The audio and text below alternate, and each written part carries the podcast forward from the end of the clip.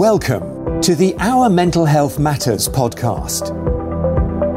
In this podcast, we talk about mental health matters and mind moments, which focus on mindset and workings of the mind. Introducing your host, Dr. Lade Abua, Specialist Registrar in Child and Adolescent Psychiatry, a medical doctor with a passion for mental health matters and children. Hi everyone, it's Lada here. Welcome to our Mental Health Matters podcast. Today I will be talking about depression in women. Um, I'll go over depression generally before I go into depression in women specifically. So, what is depression? Uh, it's a mental health disorder in which the following occur. Um, there's usually persistent uh, mood, uh, being low, and um, persistent sadness. Uh, I need to note here that it's normal to feel sad and unhappy when uh, something bad happens or an adversity happens. However, if this becomes persistent, then it needs uh, to be looked into. That is what we categorize into um, a symptom of depression. There's also loss of interest or pleasure in activities. There's irritability. There's um, uh, excessive crying. There's restlessness. There's feelings of guilt, helplessness, hopelessness and uh, feeling worthless as well. And there's also the bit where uh, what we generally call like the biological symptoms of depression, in which the sleep is affected. Um, it, and this varies. It could be in difficulty getting off to sleep or waking up early in the morning. Um, and then there's a loss of appetite or increased appetite. And uh, this uh, inadvertently results in either weight loss or weight gain.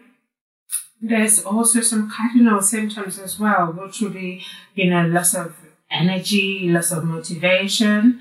And um, we, we also sometimes see uh, this feeling of fatigue or feeling slowed down, feeling slowed down in thinking, feeling slowed down in action and uh, as well as uh, difficulty concentrating or being focused and making decisions and um, some can have uh, persistent uh, difficult persistent physical symptoms um, where you know they just um, have vague physical symptoms like they feel unwell or you know symptoms that can't be explained and another key thing uh, to remember is loss of enjoyment. Um, you know, where people just lose interest in things they used to enjoy and activities they used to do before. And for us to classify this as depression, it has to be present for more than two weeks and it has to have an impact on the person's day to day life. Um, it, it is important here to know that depression is, uh, is just it's, it's, a mental illness, but it, it's also a health problem, just as diabetes, high blood pressure, liver, or kidney problems are. Except that depression isn't physical, you know, and it, it, you don't, you don't, you can't um, lay hold of the symptoms as you would lay hold of a symptom of di- diabetes in somebody who has diabetes, and you know, you can't really see physically. And uh, because I'm talking about depression, it's been noted, research has shown that depression is twice as common in women as it is in men. Um, and it occurs equally in boys and girls up until puberty when this increases in ratio. It hasn't been found why um, this occurs exactly, but it's been suggested that it's related to um, coming into puberty. And in, in generally, one in four women will express depression in their lifetime. So, what do we think causes depression? That the cause for depression is not known. There are several contributory factors which um, research has shown and which have been found. And um, I'm going to categorize this into uh, ge- genetic factors, environmental factors, and also psychosocial factors. So for the genetic, um, there's significant heritability. So there's a 40% chance of um, a relative of somebody who has depression of developing a, depressive illness. That's if a family member, that's a parent or sibling or twin have depression, there's a, um, a 40% chance. Um, the family, that person can um, develop depression. Then there's also environmental factors. Uh, these have been identified as early adversity, something we call adverse um, life changing events and there's you know people who have attachment difficulties people who've had negative life events people who've had uh, the death of a parent before the age of 10 traumatic life events experience of neglect and abuse or experience of um, parental drug and alcohol use as well as bullying so these are the environmental factors that contribute to, depression and then I'll go on quickly to talk about the psychosocial factors. So psychosocial factors, social isolation. So people who tend to just stay on their own, who don't have family, don't have support, are more prone to depression. And those who have negative interpersonal relationships, this is also something that has been um, noted to be a controversial factor. There is also um, high expectations and good academic achievement. This has been noted as um, a contributing factor because it puts a lot of pressure on uh, people of, ha- of having to meet those um, high expectations. A stable family environment is also another one, and um, parental drug and alcohol use, as, I'd said before. And so I will go to, to depression in women. There are specific variants of depression that are quite peculiar to women. Um, there's three, I'll, just talk briefly about the three specific types. There's what we call maternal blues. A maternal blues is a really classical depression and it, it just occurs in about half to two thirds of women where they just have these brief episodes of irritability, following the birth of a child, they have a labile mood, which means, you know, the mood just swings up and down, up and down, and they could have periods of um, crying. And um, so with the levels of the mood, there's um, a rapid alteration between, you know, being really happy about the birth of a child and being miserable at the same time. However, this tends to peak on the third or fourth day after birth and it's been found to be most frequent amongst uh, first time mothers.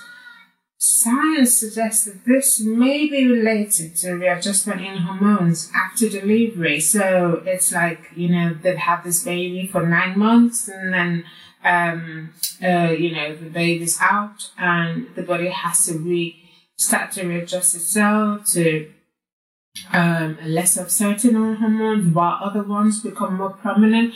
That's what science has suggested, but you know, there's actually no concrete proof to support that. Now, this there is no treatment for this as it tends to settle down on its own within the first week or two. You know, everything tends to go back to normal, which is maybe why they've uh, suggested that it is related to adjustment in hormones after delivery. Then there's what we call uh, premenstrual syndrome or premenstrual dysphoric disorder. They're both different. Premenstrual syndrome is a mild form of premenstrual dysphoric disorder. So this generally, they're not classical depression, but they can mimic depression in that the symptoms um, tend to be like depressive symptoms, but they're short-lived and they tend to occur around the menstrual period for women.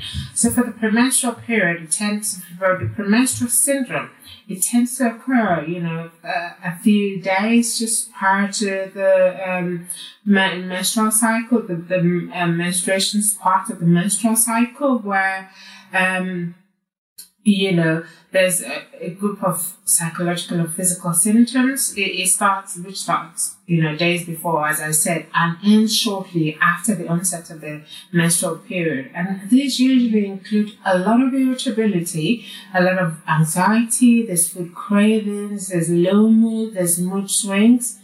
And as I said, there's a psychological, mm, physical. So that's the psychological. But the physical, there's breast tenderness, there's abdominal discomfort, and there's a feeling of bloatedness and distension. So this generally tends to occur in about 30 to 80% of women. The cause, again, is unknown. And um, there have been various explanations for it that range from biological to psychological, but there is no concrete one as yet.